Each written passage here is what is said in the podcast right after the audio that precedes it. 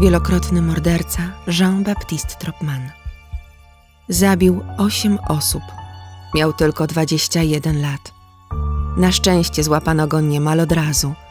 Zaczął tak wcześnie i z tak ogromnym apetytem na zabijanie, że ofiar byłoby zapewne o wiele więcej, gdyby nie został tak szybko schwytany.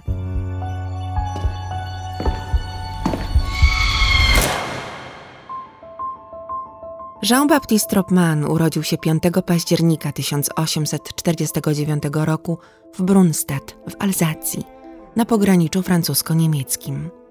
Niektórzy podają, że urodził się w Cernay, odległym o 20 kilometrów na północny zachód. Rzeczywiście mieszkał tam, ale dopiero od 11 roku życia. Drobny chłopiec, za to inteligentny, ambitny, nieufny, energiczny – i obdarzony wielką miłością przez rodzinę, był oczkiem w głowie matki. Miała dla niego więcej czułości niż dla dwóch starszych synów i córki. Po ukończeniu szkoły Jean-Baptiste najpierw pracował jako mechanik w warsztacie u ojca, Józefa, w jego małej firmie Tropman i Cambly. Ojciec był niezwykłym człowiekiem, wynalazcą, który miał na koncie kilka patentów związanych z udoskonalaniem maszyn przędzalniczych. Tak więc chłopak pochodził z dobrej, kochającej się rodziny. Wyrósł w niezłych warunkach i miał szansę stać się co najmniej pomocnikiem ojca.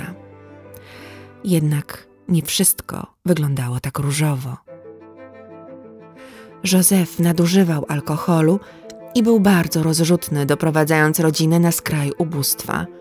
Zdaje się, że najmłodszy syn wziął na siebie odpowiedzialność za poprawę sytuacji ekonomicznej Tropmanów. Zrobię coś, co zadziwi wszechświat, mówił nastoletni Jean-Baptiste. I niewiele robił w tym kierunku.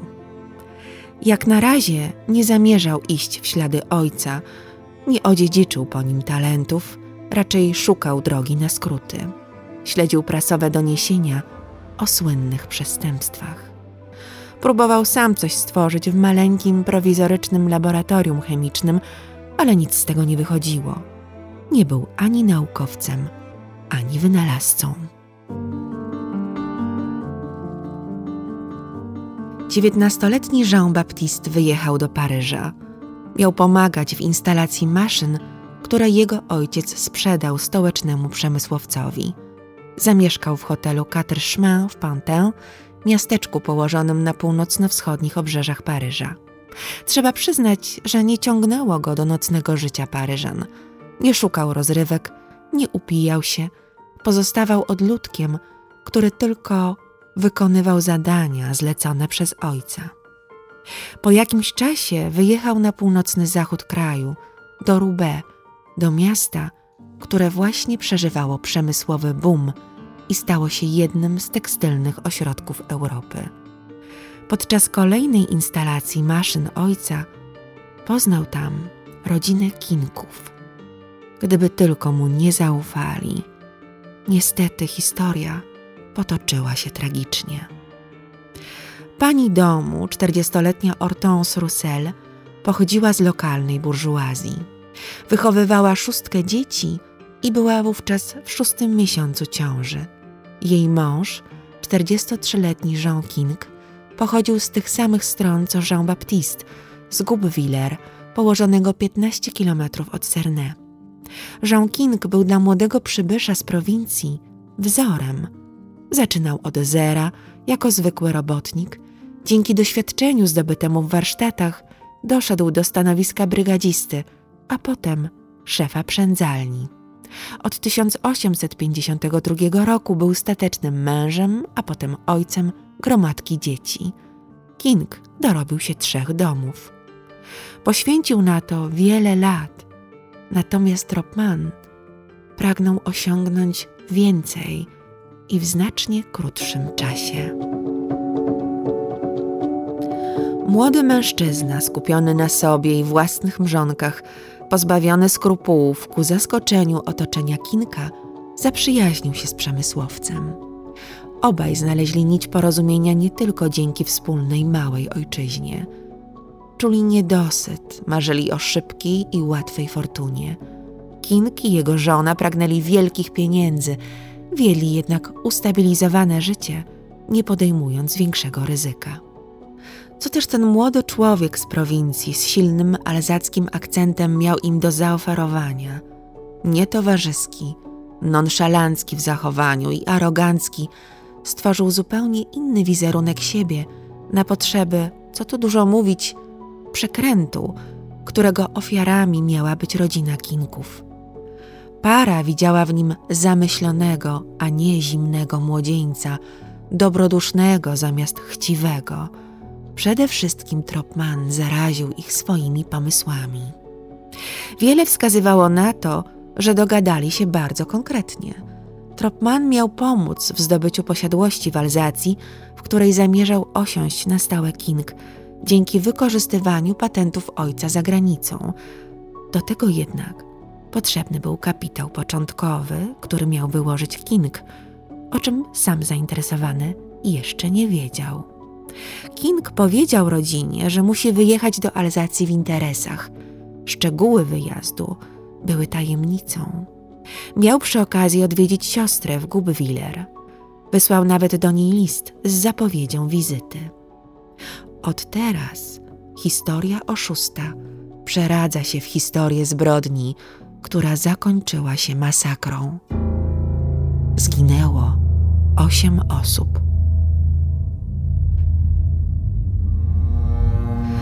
24 sierpnia 1869 roku Jean King dotarł na stację Bolviller, 10 kilometrów od celu. Tam czekał na niego Tropman. Co się wydarzyło później, wiemy z zeznań Żana Baptista. Młody człowiek zaproponował wspólny biznes fałszowanie pieniędzy, na co King przystał. Wybrali się do Ehrenflüch, zobaczyć drukarnię, w której mieli drukować fałszywe pieniądze. Niemal u celu oszust dodał kwas pruski, czyli cyjanek, do wina, gdy jego towarzysz był zajęty czymś innym.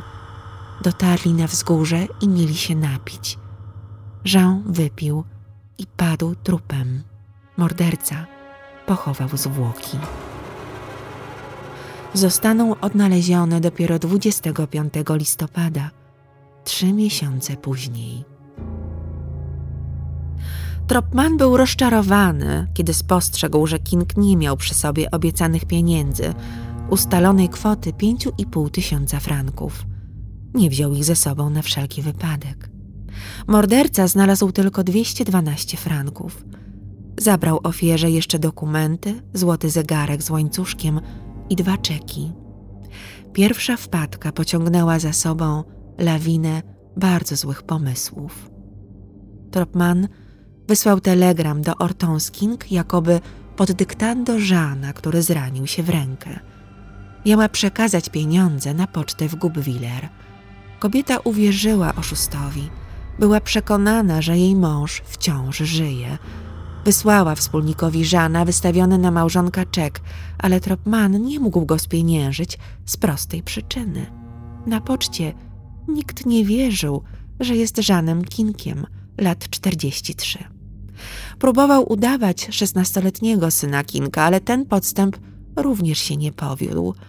Wobec tego postanowił wykorzystać prawdziwego syna Żana, Gustawa. Wrócił do Paryża.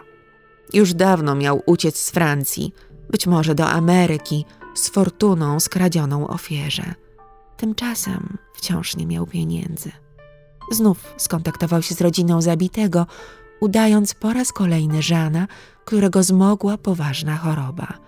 Tropman snuł bajeczkę, że King dzięki niemu zyska pół miliona franków, a tymczasem z powodu swojej niemocy upoważnia go na jakiś czas do prowadzenia biznesów. Szesnastoletni Gustav King, najstarszy syn, wyjechał do Alzacji, by pomóc ojcu w powrocie do domu. 5 września chłopak przybył na miejsce do rodziny ojca, gdzie spodziewał się go początkowo zastać, a potem nagle, pod wpływem listu Tropmana, wyjechał do Paryża. W stolicy na dworcu odebrał go Jean Baptiste. Wściekł się, bo chłopak nie miał przy sobie pieniędzy, których się spodziewał. Kolejny pomysł, jaki przyszedł mu do głowy, to ściągnąć panią King. Ona musiała mieć pieniądze. Wysłał ostatni telegram z hotelu. Prosił w imieniu Żana, by dołączyła do męża i syna i przywiozła czeki. Natomiast nastoletni Gustaw został dosłownie wyprowadzony w pole. Tropman obiecał doprowadzić go do ojca. Zabrał go na odludzie, gdzie powalił chłopaka, zadając nożem ciosy w plecy i w szyję na polu należącym do rolnika Langlua. Tam też go zakopał. Hortense z piątką dzieci przyjechała do wskazanego hotelu Quatre Chemins w Pantin, w którym zarezerwowała dwa pokoje. Nie zastała tam jednak męża. Nie chcąc na niego dłużej czekać, wyruszyła mu na spotkanie. Jej przewodnikiem był Tropman. Wynajętym powozem późnym wieczorem pojechali do Żana. Jak bardzo kobieta musiała ufać Tropmanowi. Wierzyła w jego historię. Pozwoliła się poprowadzić nocą w nieznaną okolicę. I w dodatku miała przy sobie obiecane pieniądze. Zatrzymali się w pobliżu miejsca, gdzie zginął Gustaw, między fortem Aubervilliers a stacją kolejową Pantin, dwa kilometry od granic Paryża. Najpierw z Tropmanem poszła kobieta i dwójka jej młodszych dzieci. Starszą trójkę zostawiła w powozie. Chyba jednak nie ufała do końca młodemu człowiekowi. Odeszli jakieś kilkadziesiąt metrów, gdzie morderca musiał mieć przygotowane narzędzia zbrodni – po czym napadł na nich z nożem. Poderżnął matce i dwójce jej maluchów gardła. Potem poszedł po pozostałe dzieci i zwolnił woźnicę. Gdy został sam z trzema chłopcami, dokończył rzezi. Trzynastoletni Emil został uduszony liną i dobity kilofem.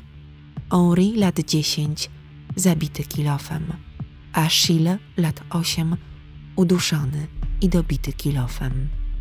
Alfred, lat pięć, i Marie Hortense, lat trzy, którzy zginęli nieco wcześniej, mieli poderżnięte gardła. Tropman, bogatszy o niebagatelną sumę pięciu i pół tysiąca franków, wszystkich dobił łopatami, niektórych zakopał żywcem. Łącznie zadał ponad sto ciosów. Hortense otrzymała dziewiętnaście z nich wykrwawiając się, umierała wraz z sześciomiesięcznym płodem dziewczynki, które nosiła pod sercem. Na żadnym z ciał nie odnaleziono podczas autopsji ani śladu walki w obronie własnej. Zwłoki odkryto następnego dnia, 20 września. Około siódmej rano rolnik Jean-Louis Auguste Langlois z La Villette przyszedł bronować swoje pole. Zauważył niezwykłe ślady wielu stóp, także dziecięcych, prowadzące do rogu pola i zwieńczone kopcem usypanej ziemi. Zobaczył także ślady krwi. Mężczyzna rozgrzebał środek kopca. Najpierw zobaczył poplamioną krwią chustkę, a potem rękę dziecka. Gdy dokopał się do jego głowy, pobiegł na policję. Na miejsce przybył komisarz wraz z miejscowym lekarzem. Na polu zbierał się coraz większy tłum gapiów.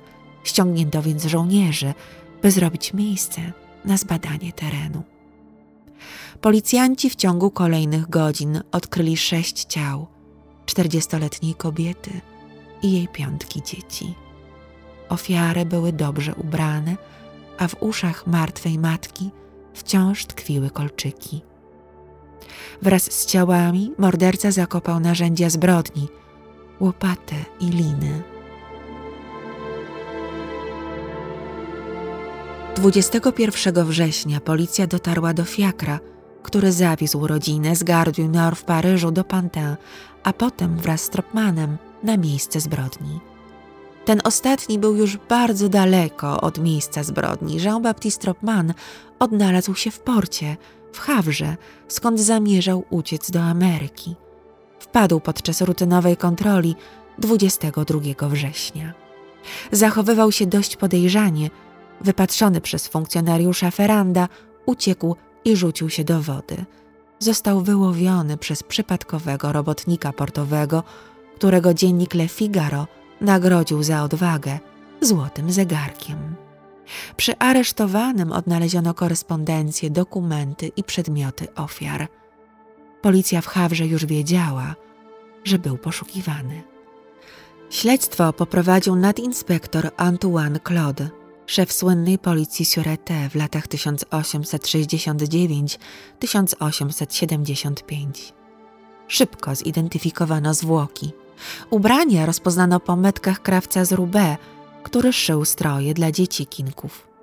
Najpierw podejrzanymi byli ojciec i najstarszy syn, po których ślad zaginął. Tropman został zatrzymany jako ewentualny wspólnik, bo na pewno był na miejscu zbrodni, skoro został tam dowieziony wraz z ofiarami. Nadinspektor musiał cofnąć się nieco w czasie, analizując sprawę, by zrozumieć następujące po sobie wydarzenia. Pomogły w tym zachowane listy i telegramy, które pisał Tropman. Ustalono, że Jean King 24 sierpnia pojechał do Alzacji w interesach. Dołączył do niego jego najstarszy syn Gustaw i tam ślad po obu się urywał. Policjanci zakładali, że właśnie oni zamordowali kobietę i dzieci. Motywy nie były jeszcze znane. Thomas Grimm, czyli kilku dziennikarzy dziennika Le Petit Journal, ukrywających się pod wspólnym pseudonimem, już wydał wyrok w artykule z 24 września. Cytuję. Ojciec skierowany zaciekłą nienawiścią lub odrażającą chciwością zabił swoją żonę i pięcioro swoich dzieci. Syn najstarszy z rodziny położył rękę na matce i obaj z nieopisanym okrucieństwem które nie przynależy ludzkości, ułożyli w ziemi zwłoki sześciu osób, które jeszcze dzień wcześniej nadawały im słodkie i święte imiona męża, ojca i brata. Zatrzymany w Hawrze Tropman o morderstwo oskarżał Gustawa i Żana, sam miał być tylko opłacanym wspólnikiem. Planowali we trzech wyjechać do Ameryki – nie był aż tak przebiegły, by wpaść na ten pomysł wymigania się od odpowiedzialności. Wyobraźcie sobie, że policjanci od razu założyli jedno wyjaśnienie i przedstawili je Tropmanowi, a ten skwapliwie potwierdził ich podejrzenia. Z Hawru został przewieziony do więzienia w Paryżu. Cała historyjka wymyślona przez Żana Baptista posypała się już 26 września. 30 metrów od zwłok kobiety i dzieci, miejscowy rzeźnik odnalazł ciało Gustawa. W szyi martwego nastolatka wciąż tkwił nóż. Tropman jeszcze walczył o niewinność, zrzucając winę na nieodnalezionego dotychczas Żana. Na początku października miał miejsce pogrzeb całej pomordowanej rodziny w Tourcoing, niedaleko Roubaix. Przybyły na niego tysiące ludzi – Jedyny ocalały być może King pozostawał nieuchwytny. Dalsze śledztwo wykazało, że 24 sierpnia Tropman pojechał do Alzacji spotkać się z Żanem. Młody człowiek wysiadł z pociągu w Bolviller. Stamtąd obaj pojechali omnibusem do Zulc, a następnie do Wadwiller. W tym miejscu zniknął Jean. Przez cały październik trwały poszukiwania Kinka. W końcu nadinspektor Claude użył podstępu i przekonał Tropmana, że znaleźli ciało zaginionego mężczyzny.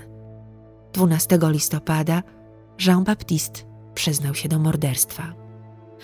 Potwierdził, że 24 sierpnia pojechał z Żanem do Ehrenfleu w okolice ruin zamku, by pokazać mu sekretną drukarnię, w której mieli powielać fałszywe banknoty – drukarnia miała się znajdować w podziemiach zamku. Rzecz jasna, nigdy nie istniała, była wabikiem. Tam właśnie otruł Kinka, ograbił i zakopał jego zwłoki. Potem opowiedział, jak ściągnął Gustawa i zabił go 17 września w Pantin. Pośrodku niczego, w odludnym miejscu dźgnął go w plecy, a potem znowu, sam nie pamiętał ile razy. okradł go i pochował. Pani King przyjechała dwa dni później, 19 września. Obiecał zaprowadzić ją do męża i dokonał rzezi. Żana Kinka zabił dla pieniędzy. Twierdził, że resztę rodziny zamordował z konieczności. Pozbył się świadków. Chociaż policja odnalazła zwłoki Żana Kinka, Tropman dwa tygodnie później zmienił zeznania. Odwołał wszystko. Wymyślił trzech wspólników, których tożsamości ze strachu nie chciał ujawnić. Policjanci usłyszeli kolejną historię. W okolicy Steinbach zakopał portfel owinięty w kraciastą chustkę, w którym ukrył wszystkie dowody przeciwko tym wspólnikom. Nigdy go nie odnaleziono. 9 grudnia został osadzony w więzieniu La Conciergerie, tym samym, w którym podczas rewolucji francuskiej trzymano Marię Antoninę. Stanął przed sądem 28 grudnia. Bronił go jeden z najwybitniejszych adwokatów tamtych czasów, Charles Lachaud. Jako okoliczności łagodzące adwokat wskazywał ubóstwo, miłość do matki, młody wiek i na pewno szaleństwo. W jego rysach widać dziką bestię, a jeśli jest dziką bestią, należy mu założyć kaganiec, ale nie zabić, wołał rozpaczliwie mecenas. Tropman zaczął płakać, ale sąd i przysięgli nie bardzo zostali wzruszeni. Sąd odrzucił hipotezę o wspólnikach, a medycy sądowi potwierdzili, że całej masakry mógł dokonać w pojedynkę. Laszo jednak podkreślał, że było to fizycznie niemożliwe, musiał mieć pomocników. Inaczej zwróciłby uwagę woźnicy albo kogoś z okolicy. Jeśli rzeczywiście istnieli jacyś wspólnicy, Tropman nigdy nie ujawnił ich nazwisk. Nawet szef policji był przekonany, że w zbrodni uczestniczyli jeszcze dwaj obserwatorzy i dwaj czynni pomocnicy, ale była to tylko jego intuicja. Nadinspektor widział w tej sprawie coś znacznie więcej niż mord na tle rabunkowym. Francja była tuż przed wojną francusko-pruską, która wybuchnie za kilka miesięcy od tamtej chwili, 19 lipca 1870 roku. Claude podejrzewał współudział niemieckich szpiegów. Możliwe, że King odkrył niemiecki plan inwazji albo wykradł dokumenty, a Tropman zabił go na zlecenie Niemców. Dla doświadczonego policjanta wydawało się to wprost niemożliwe, by młody człowiek działał sam. Proces zakończono 30 grudnia. Była to najsłynniejsza sprawa kryminalna II cesarstwa. Gazety, w szczególności Le Petit Journal, ze szczegółami każdego dnia przedstawiały przebieg sprawy i procesu. Najlepsze miejsca sprzedawano nawet po tysiąc franków. Na sali sądowej obecni byli wielcy literaci. Gustave Flaubert, Alexandre Dumas, Arthur Rimbaud czy hrabia de Lautréamont. Jean-Baptiste Tropman został uznany winnym i skazany na śmierć za osiem morderstw. Ubrany w kaftan bezpieczeństwa, został zabrany do Prison de la Roquette 31 grudnia. Tam czekał na egzekucję. Jeszcze przed dzień upierał się, że zbrodni nie dokonał sam. Mimo wszystko nie chciał nikogo zadenuncjować. W piątek, 15 stycznia 1870 roku, akta sprawy trafiły do cesarza. Władca zapisał literę N na dokumencie, która oznaczała odmowę łaski. Wyrok miał zostać wykonany. I tu wkradła się proza życia. W niedzielę nie można było przeprowadzić egzekucji, bo to dzień święty, a w poniedziałki nigdy nie wyciągano madame gilotyny. Egzekucję wykonano publicznie we wtorek, 19 stycznia 1870 roku o 7 rano na Place de la Roquette przed więzieniem. Skazany na śmierć 21-latek wyglądał jakby postarzał się o 30 lat. Nie płakał. W ostatniej chwili podobno zaczął walczyć. Kat Jean-François Heidenreich poradził sobie z nim bez problemu. Według legendy, przed opadnięciem ostrza, Tropman ugryzł w kciuk pomocnika kata, który trzymał jego głowę w otworze gilotyny w tak zwanej lunecie. Egzekucji przypatrywali się intelektualiści tamtych czasów. Był wśród nich rosyjski pisarz Iwan Turgieniew, którego cała sytuacja mierziła. W późniejszych latach wielokrotnie wypowiadał się jako przeciwnik kary śmierci.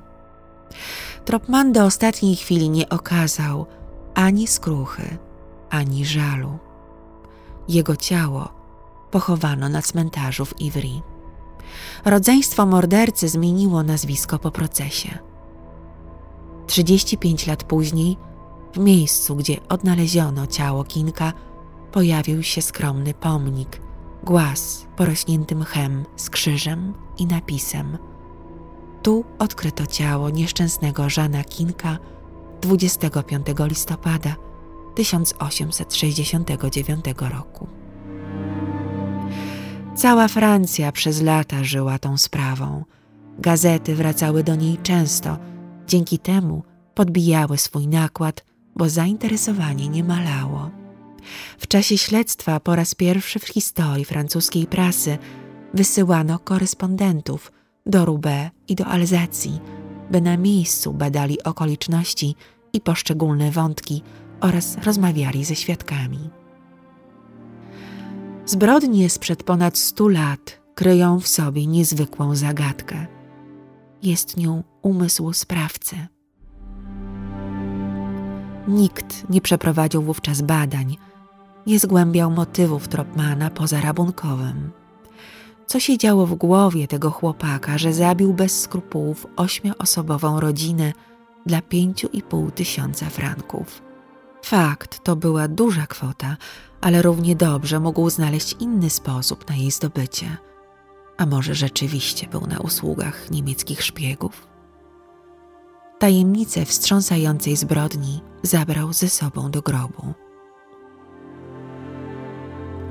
Jego historia przypomina mi sprawę Władysława Mazurkiewicza, który zyskał przydomki piękny Władek i elegancki morderca. Zabił sześć osób, jedną otruł, inne zastrzelił, z motywów czysto rabunkowych. Został za to powieszony w areszcie śledczym w Krakowie w 1957 roku. Jeśli nie znacie tej historii, polecam wam książki na jej temat, na przykład Czarna Wołga Przemysława Semczuka. Nie będę wam jej opowiadać, bo zbyt często już jest przedstawiana w innych podcastach.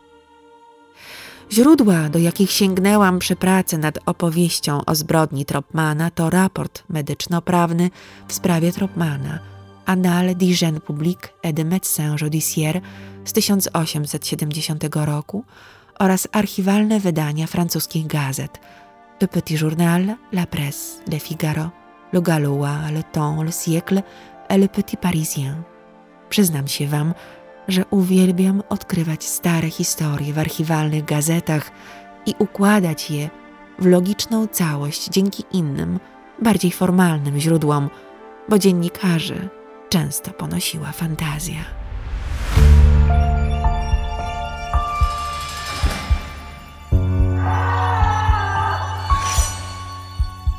Do usłyszenia i do zobaczenia w moim worku kości w Warszawie przy ulicy Bagatela 10. Renata z worka kości.